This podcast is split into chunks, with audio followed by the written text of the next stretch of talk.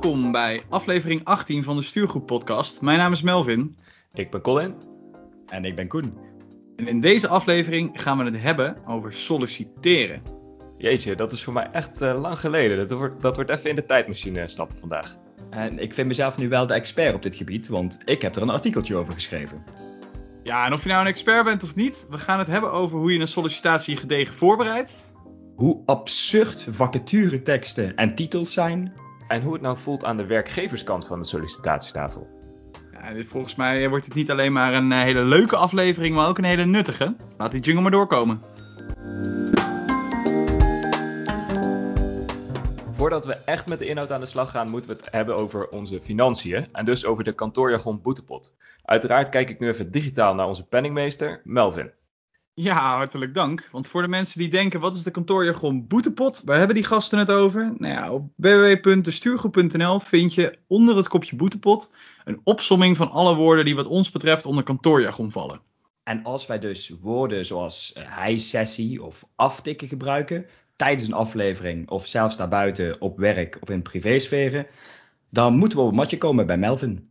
Ja, en dat ging vorige week eigenlijk best wel prima. Het viel heel erg mee. Alleen over de schutting gooien kwam voorbij. Dat is wel echt een klassieker. Ja, Colin, jij als gebruiker van deze fantastische term, kun je nog even een korte toelichting op geven? Ja, over de schutting gooien. Iemand anders opzadelen met jouw probleem. Iets zonder toelichting, maar gewoon van je afschuiven. Ik denk dat dat wel de meest negatieve variant van over de schutting gooien is. Maar ja, ik denk dat ik er zoiets mee bedoelde. Ja, ja, het is ook gewoon weer een, het is weer een klassieker. En dan kunnen we door naar de, naar de stand van onze schatkist. Want de drie cijfers komen nu wel serieus in beeld. Uh, het totaalbedrag van de boetepot staat namelijk deze week op 94 euro. Nou, ben ik benieuwd of wij ook die drie cijfers, die 100 aan gaan raken voor onze volgende fysieke afspraak, jongens. Maar laten we eerst maar eens kijken of al dat kantoorjargongebruik van ons een pre is bij het sollicitatieproces. Ja, en laten we dan ook maar beginnen bij het begin. Want hoe lang is het geleden dat jullie zelf gesolliciteerd hebben?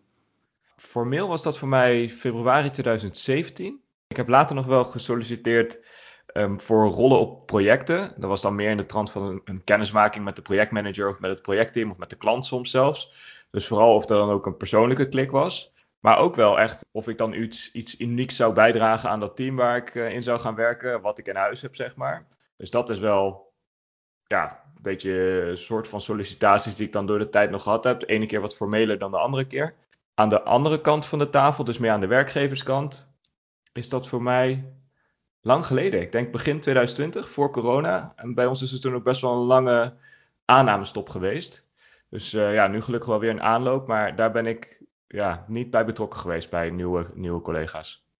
Oh, Oké, okay. en, en die andere dingen die zijn dan zeg maar interne sollicitaties die je hebt gedaan voor die projecten? Ja, ja intern inderdaad. Als ik op een nieuw project kwam, uh, kennismaking met de projectmanager. Ja. Uh, uh, inderdaad op die manier. Um, en, en, en, voor de rest gewoon deelgenomen aan, aan sollicitatiegesprekken met kandidaten. Ja. Oh, lekker joh. Nou, ik, ik wilde eigenlijk zeggen dat voor mij, weet ik veel, drie, drieënhalf jaar geleden of zo is dat ik gesolliciteerd heb voor het laatst. Maar als je zegt intern, dan klopt het inderdaad, heb ik ook wel geen idee, was twee jaar, iets langer dan twee jaar geleden, de laatste keer dat ik intern inderdaad een pakje koffie drinken. hey, wat kun jij, wat ja, breng je nou? Precies. Door, door die molen ben gegaan. Zo bedoel ik het ook. Ja, of je dat sollicitaties moet noemen. Ik denk dat het doel een beetje hetzelfde is. Is er een match? Vandaar dat ik daar ook aan moest denken. Nou, en uh, verder, ik moet ze eerlijk toegeven, nu komt voor alle collega's die luisteren, die gaan nu van hun stoel vallen, denk ik. Ik heb ook een sollicitatie lopen buiten mijn werkgever om. En dat is namelijk een kans die ik echt niet kon laten lopen. Ik heb het jullie natuurlijk al verteld, maar dat ja. is uh, bij de nieuwe show van Lubach als uh, tekstschrijver. Dus wie weet uh, dat ik wat inzichten daarover kan delen ook vandaag. Heel gaaf dat je, dat je daarmee bezig bent.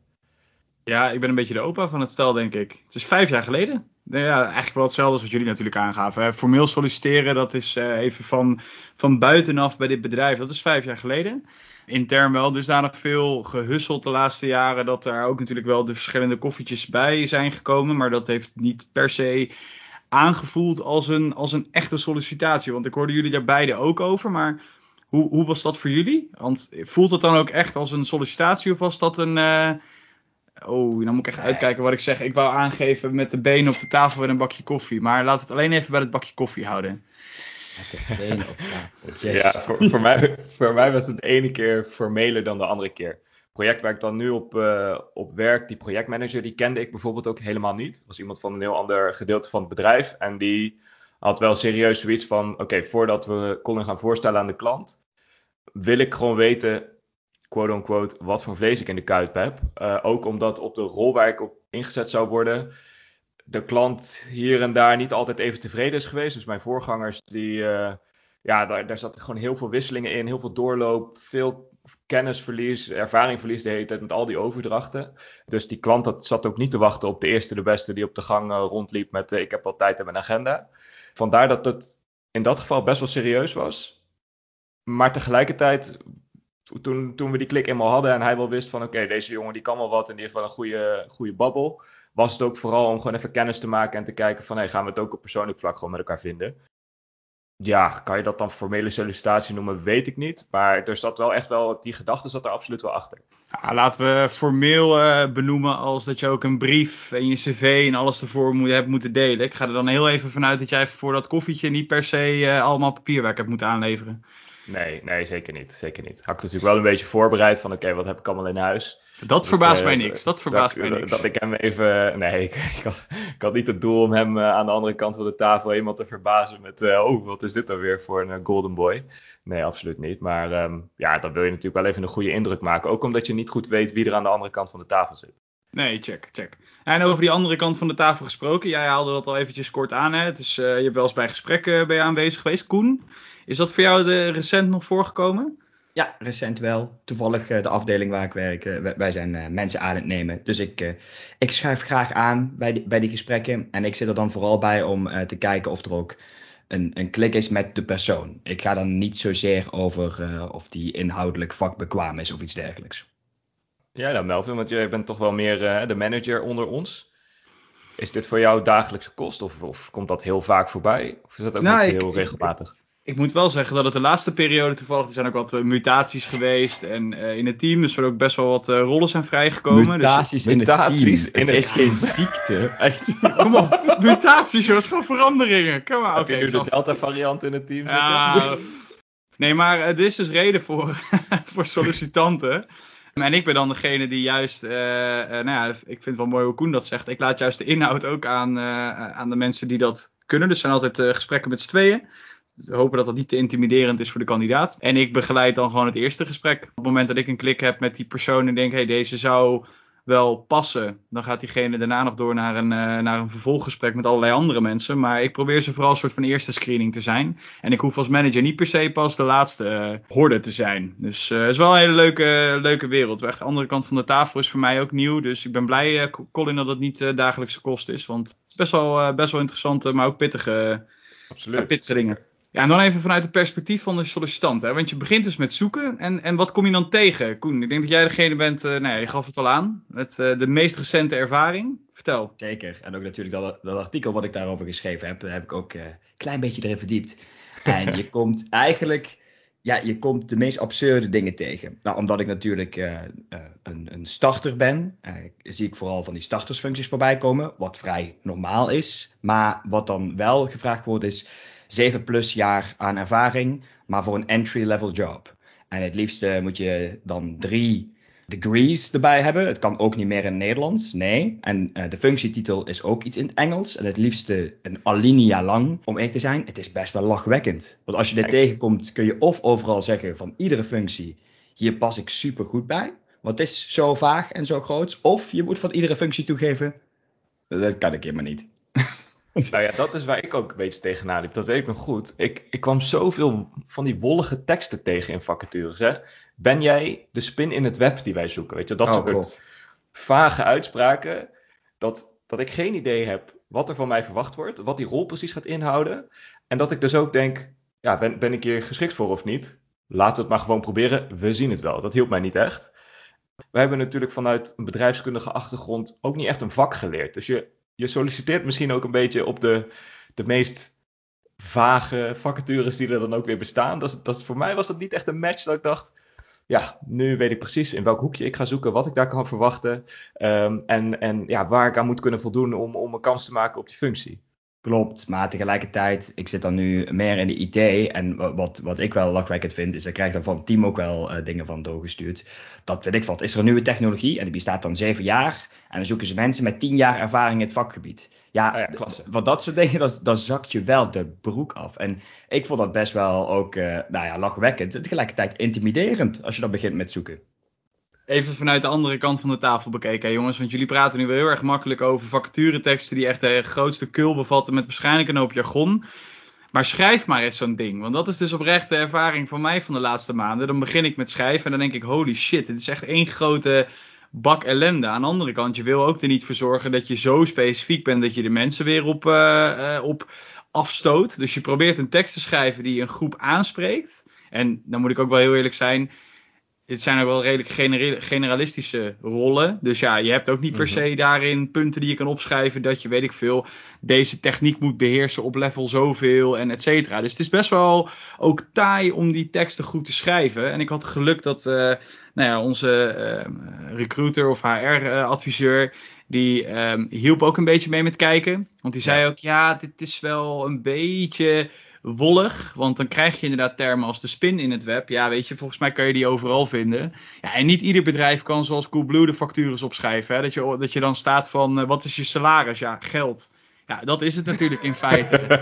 ja, dat is top. Maar ja, het, het, is ook wel lastig. Om, omdat je er gewoon voor wil zorgen dat je wel ja, de juiste personen uh, binnen wilt krijgen. Dat moet vaak op 1 A4'tje. Dus ja, het, is, het is een vak op zich, denk ik.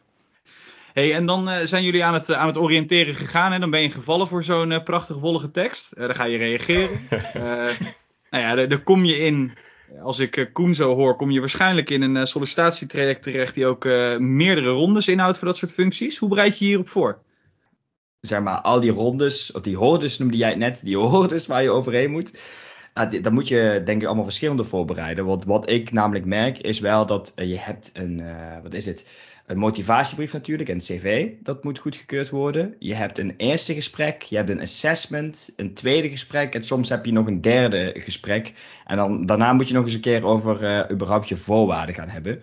Al die rondes, heel eerlijk, ik ben dan wel een figuur. Ik hoop, ik ga dadelijk ook naar Colin gewoon digitaal heel hard kijken. Maar ik bereid me daar niet super strak op voor. Uh, het is meer de, die motivatiebrief, daar gaat zoveel liefde van me in zitten, zoveel passie. Dus gewoon een mooi ding.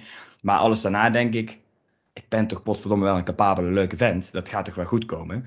En ja, ja, ja. Uh, het, heeft, het is soms ook gewoon echt niet, niet goed gekomen. Maar ja, qua voorbereiding, ik ben er nog wel een beetje slecht in. Ja, Koen, ik wil je toch eventjes nog één ding aanstippen. Je hebt uh, een tijdje terug aangegeven dat jij een, uh, een boek wilde gaan schrijven. Als jij een boek gaat schrijven, wil ik heel graag dat jij bepaalde sollicitaties die je hebt gedaan als een soort van bijlage ergens achter in het boek stopt. Want het is wel oprecht, het is oprecht pure kunst. Dat kan ik wel echt gewoon beamen. Ik heb er een paar van mogen lezen. Dat is fantastisch. leuk man. Ja, los, om, los van alles te vinden van, van die processen en die rondes en weet ik het allemaal. Hè. Als ik kijk naar hoe ik daar dus 4,5, 4, 5 jaar geleden voor mijn eerste sollicitatie stond. Ik werkte toen zelf in, uh, voor een kledingbedrijf. En ik ging de eerste sollicitatie in alsof ik een spijkerbroek moest verkopen. Alleen was die spijkerbroek was gewoon ikzelf.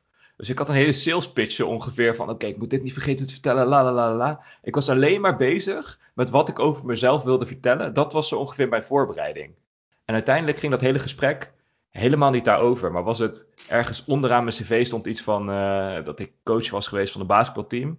En wilden die mensen gewoon weten, wat voor een persoon zit hier nou aan tafel? Waarom ben je coach geweest van een basketbalteam? Wat heb je ervan geleerd? Ze wilden gewoon weten van, hey, past deze gozer hier in het team wat we hier al hebben zitten?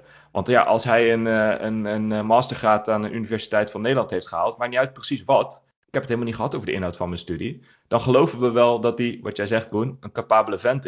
de. Dan dan komt dat wel goed. Dan leren we hem wel wat hij moet weten.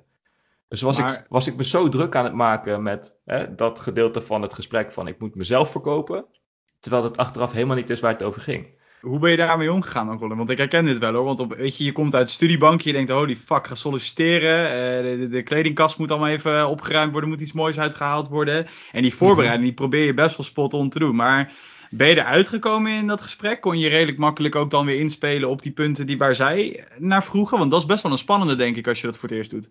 Ja, ik, ik heb het geluk dat ik me in, in dat soort face-to-face gesprekken, als ik voor een zaal moet presenteren of zo, dan is het heel anders. Maar in, in zo'n face-to-face gesprek, dan weet ik me daar heel snel, heel makkelijk op aan te passen.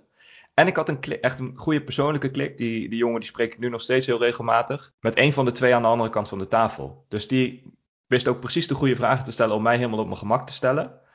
En dat was eigenlijk een heel natuurlijk gesprek wat daar ontstond. Gewoon alsof je iemand uh, voor het eerst een collega aan de kroeg spreekt op je eerste vrijdagmiddagborrel. Een beetje zo'n gesprek werd het uiteindelijk. En uh, oh ja, shit, we hebben het eigenlijk helemaal niet echt gehad over wat je nou precies gaat doen. Toen dacht ik bij mezelf, nee, dat klopt. Dat weet ik ook gewoon nog steeds niet. Maar we gaan het wel gezellig met, hebben met elkaar. En dat was al gewoon een goede basis eigenlijk. Dat zijn denk ik uiteindelijk wel de, de, de leukste en belangrijkste dingen. Ook even toch ook met een schuin nog kijken naar de andere kant van de tafel. Maar ik, ik vind het wel leuk dat jij eh, aangeeft, dat je je zo strak hebt voorbereid. Want juist bij mij zijn degenen die ik het meest strak heb voorbereid, dat zijn de grootste flops van mijn sollicitaties geweest. Want dan was het gewoon dat je, dat hou je niet vol een uur je, dat gesprek kan je niet voorspellen. Dus je weet dat ze, je kan niet voorspellen dat zij bepaalde vragen gaan stellen. Ieder bedrijf doet dat weer heel anders. De, de, ene doet dat inderdaad wel met een boekje ernaast. Van joh, we moeten gewoon even die checks doen. Welk vak heb je gedaan? En waar, eh, wat vond je daar dan leuk aan? En dat soort shit. Um, terwijl, ja, anderen, wat jij zegt, die gaan gewoon in op een beetje de gaten tussen. Eh, of de kleine bijregeltjes op je cv. Of dingen die opvallen.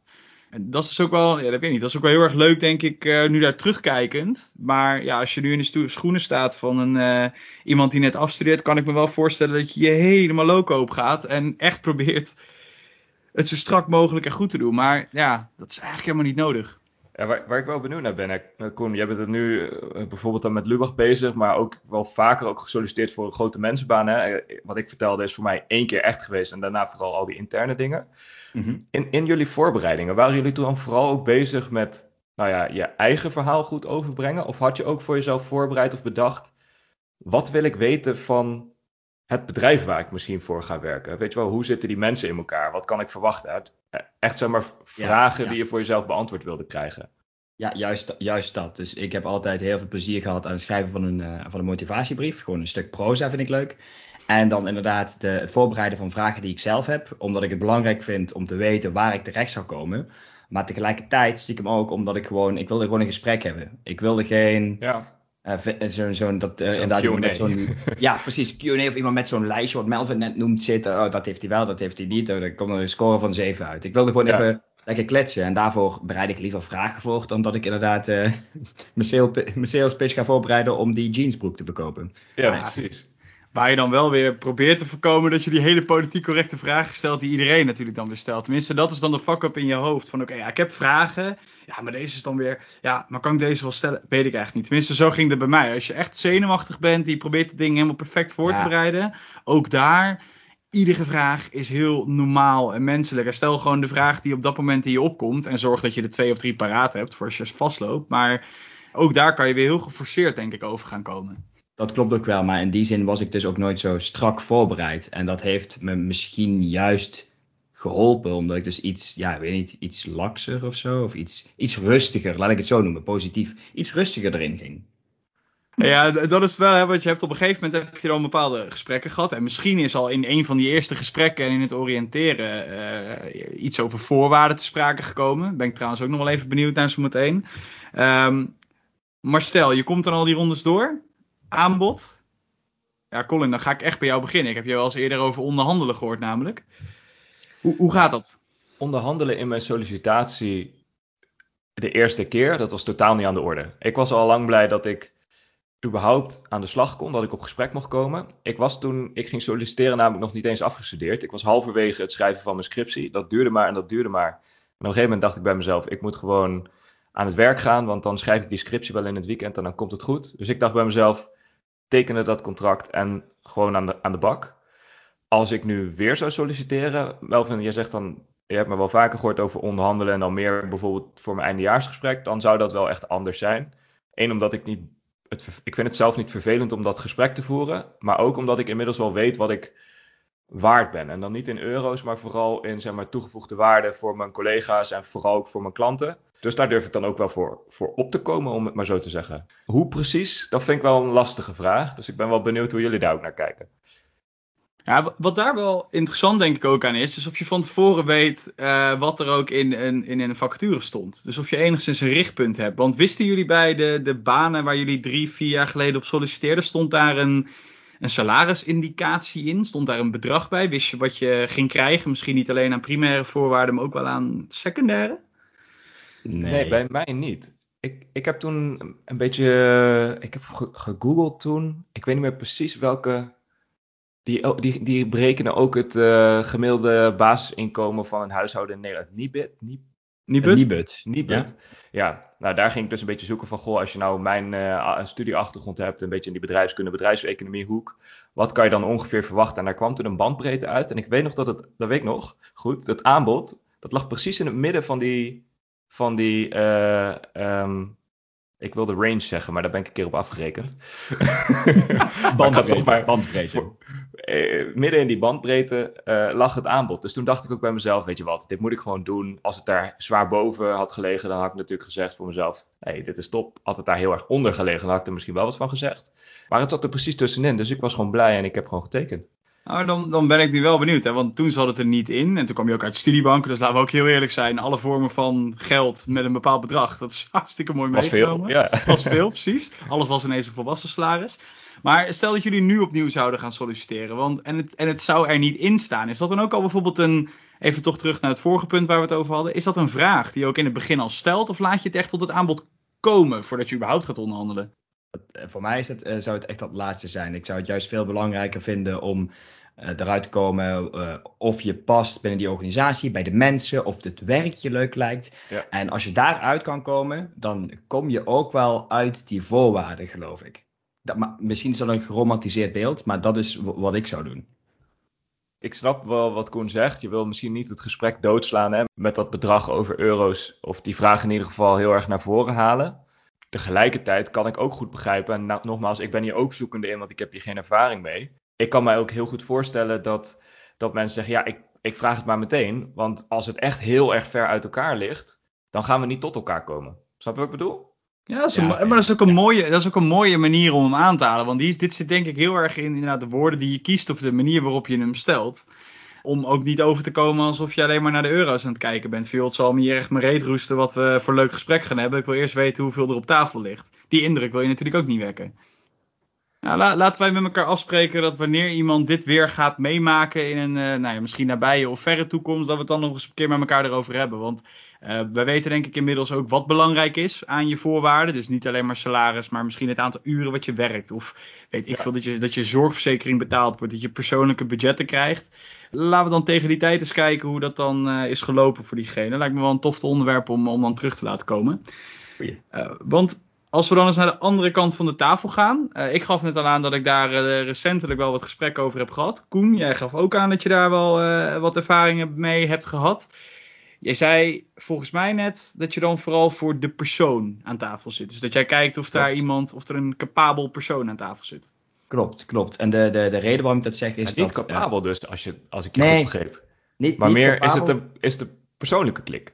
Ja, dus het is, uh, waar ik nu heel erg op zit, is uh, of er een persoonlijke klik is. Kijk, dit zijn nu uh, mensen die bij ons worden aangenomen in andere teams waar ik mee werk. Maar dus, dus ik werk er wel mee, maar niet ieder, iedere dag bijvoorbeeld. En dan zit ik erbij van, is, die, is juist die klik goed, want je gaat met mijn team samenwerken. Maar als het iemand is die in mijn team komt, dat, dat, momenteel zijn daar geen vacatures, helaas, want het is superleuk bij ons werk uiteraard. Maar dan, free commercial. In ieder geval, dan zit ik er juist uh, in vanuit het perspectief van, nou, uh, inhoudelijk moet dit gewoon heel, moet het gewoon heel sterk zijn. Oh ja, en je moet ook nog een keer passen bij de teamsfeer. dus dat, dat, vind ik dan, dan vind ik opeens beide dingen heel belangrijk. Maar recentelijk inderdaad, Melvin, klopt wat je zegt. Zit er alleen maar bij om te kijken, hey, is die persoon geklikt er? Kun je met de mensen hier overweg? Kunnen wij samen ook daadwerkelijk door een deur, kunnen we lekker samenwerken? Want dat moeten we toch gaan doen hoe doe je dat dan? Daar ben ik eigenlijk ook wel benieuwd naar. Zo, hoe ik dat precies doe, durf ik niet hoe eens te tast je iemand af? Ik, we, we weten allemaal dat je een beetje een gladde, gladde aal bent, dus dat het waarschijnlijk heel natuurlijk gaat. Maar hoe hier tast jij dus... iemand af, Koen? Ik ben heel benieuwd. Ik, ik, ik tast uh, online om te beginnen op dit moment. uh, want alle sollicitaties zijn online. goed ook dat jij online uh, tast. Dus online is ook heel, heel rare ervaring voor een sollicitant. Want dan zit ik zo op mijn scherm te tasten en dan zeg ik, ja, ik ben even... Nou, in ieder geval, ik kan het niet goed omschrijven hoe ik het doe. Maar het is inderdaad vragen stellen over bijzondere dingen in een cv, vind ik altijd leuk. Eh, dus inderdaad, Colin, uh, de, de basketbalcoach, daar zou ik ook juist iets over gevraagd hebben. Dus een beetje, een beetje de aparte dingen die erin staan. En ja, heel eerlijk, ik vind het ook belangrijk, dit klinkt misschien heel raar, of iemand ook een, een, een, een gerichte grap tussendoor kan maken. Als er een beetje humor in zit, dan denk ik grap. Ja, ja, ja, snap ik wel. Dit komt wel goed, dit, dit, dit zit wel lekker. En dat is misschien ook door de manier van, nou, mijn, mijn team houdt ook wel van een, een goede dosis humor. Moet ik wel, hè? Bij mij erbij, moet ik wel. Maar in ieder geval... Dat... Oh, zo. Dit is echt gewoon serieus. Als je ooit wil solliciteren bij Koen in het team, moet je naar deze podcast hebben geluisterd. Dan krijg je alle tips en tricks hoe je Koen van de tafel veegt. Dat is echt niet te doen. Het is ook echt paai Koen en kom binnen. Dat is een heerlijke slogan. Nee, maar dit is... Je, ik heb geen specifieke hoe, maar in een gesprek, misschien zeg ik het ook wel gek op, maar in een gesprek voel je toch wel aan of het loopt of niet. Ik heb ook wel in ongemakkelijke gesprekken gezeten en denk ik, nou ja, als een uurtje interview al niet goed gaat, dan gaat het ook niks worden als we, als we dagelijks moeten samenwerken. Het spijt me. Maar het gaat jou dus eigenlijk in het kort, het gaat je heel natuurlijk af als, als ik het zo hoor. Ja, dat is de samenvatting. Heel goed. Alright. Hey, eh, en Colin, ja, jij bent je gaf ook aan dat je wel eens wat uh, interviews hebt meegemaakt? Ja, ik heb inderdaad ook deelgenomen aan, aan interviews. Een paar keer samen met mijn manager, meer als de inhoudelijke collega, die dan uh, af en toe ook eens een voorbeeld kon geven van werk. En nou, was voor mij ook leuk om leerzaam om om te doen. Maar vooral ook om te kijken van hebben die mensen een klik ook met de mensen die op de vloer aan de slag zijn. Dus niet alleen maar met de manager, maar ook vooral inderdaad met de mensen die ook in het team zitten.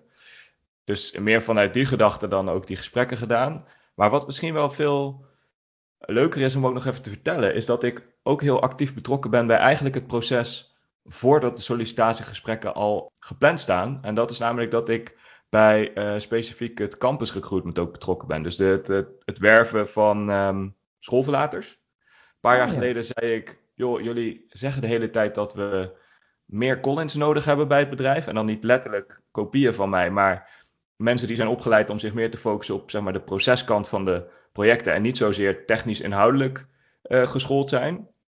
En toen zei ik tegen ze van, joh, dat roepen jullie intern wel allemaal heel hard. Maar op carrièrebeurzen voor nou ja, studies zoals die ik gevolgd heb, daar zie ik nooit een Arcades of onze concurrenten of onze grote opdrachtgevers. Die zie ik daar nooit rondlopen. Ja, toen was het antwoord eigenlijk heel simpel. Toen zeiden ze, ga het maar regelen. En dat doe ik eigenlijk nu nog steeds. Ik denk dat ik dat nu een jaartje of twee doe, samen met mensen van HR, marketing, communicatie. En ook gewoon mensen vanuit het bedrijf verder, die dan ook eh, meegaan naar evenementen, et cetera. Maar begin dit jaar nog deelgenomen aan een online carrièrebeurs van onze oude opleiding. Dus uh, dat vind ik echt super leuk om te doen. Om gewoon in een, ja, aan, een, aan een, grote groep mensen te vertellen over mijn werk. En ze ook ja, kennis te laten maken met wat je al na je studie allemaal zou kunnen doen. En niet, uh, niet dan de, de, de marketingpraatjes in de zin van, ja, en we werken met zoveel duizend mensen, la la la. Nee, maar wat kan ik nou verwachten als ik kom werken bij Arcades met een achtergrond als die ik zelf ook heb? Dus dat nou, vind ik super gaaf om te doen. Misschien nog wel leuker dan die sollicitatiegesprekken, maar gewoon mensen überhaupt richting het bedrijf bewegen of ze te helpen in het maken van een keuze. Was niet helemaal je vraag, maar wil ik toch wel even zeggen.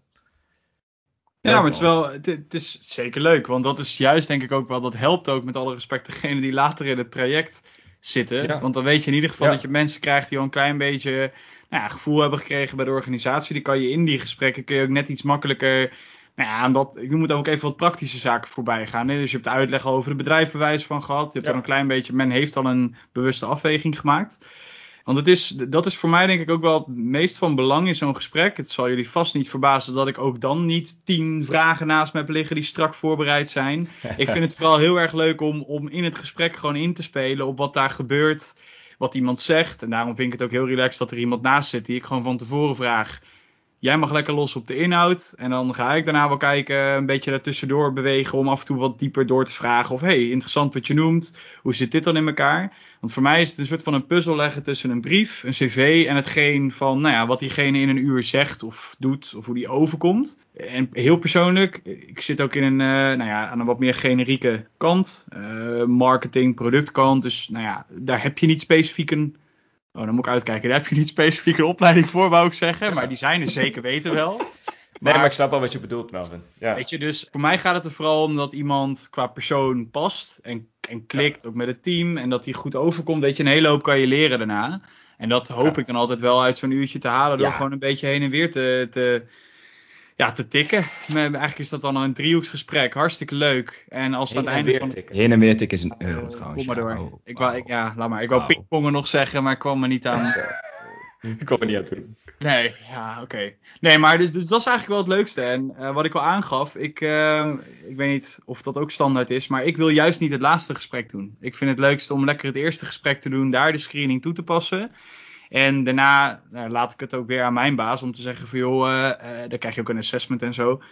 Ga jij dan nog maar eens even goed kijken of die persoon ook past met bepaalde competenties? Ik wilde vooral gewoon weten, is er een goede klik? Want ik zou het zonde vinden als iemand met een goede klik juist al in een eerder stadium sneuvelt. Ja, zo is er voor iedereen denk ik ook een, eh, een andere aanpak.